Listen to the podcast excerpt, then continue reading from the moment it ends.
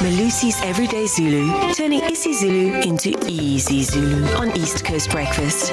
And with that, we say, Sabona Melusi.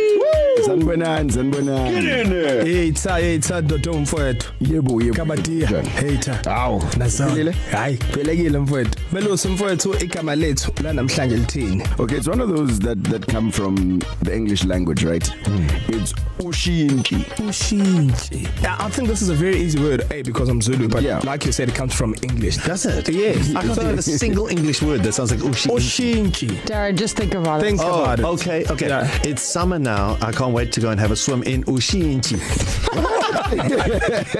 what's the english part of it the ocean. Oh, Ay ay ay. Ushiinchi. I have no idea. Oh. Ushinki is the difference between the price cost and the amount tendered. yeah She- she- Ushiinchi. Like your she and she's 150. Okay. Well, okay. You know what? I never have Ushiinchi for the parking meters. I never. Yes, that works. Yeah, yeah you never have ushinki for the parking meters. Nailed it. 40 I minutes. have to a get there. similar problem since we're all using debit cards now. Ay. Exactly. So often, if you drive around KZN, if you get to robots, um, you have people come and ask you for things, and you have to say, "Oh, Olisa, anginawo uchinshi. Yebo. works Wow. Well done. That was Just that was high works. grade right there. That was proper. I, I literally feel like a like a Russian exchange student right now.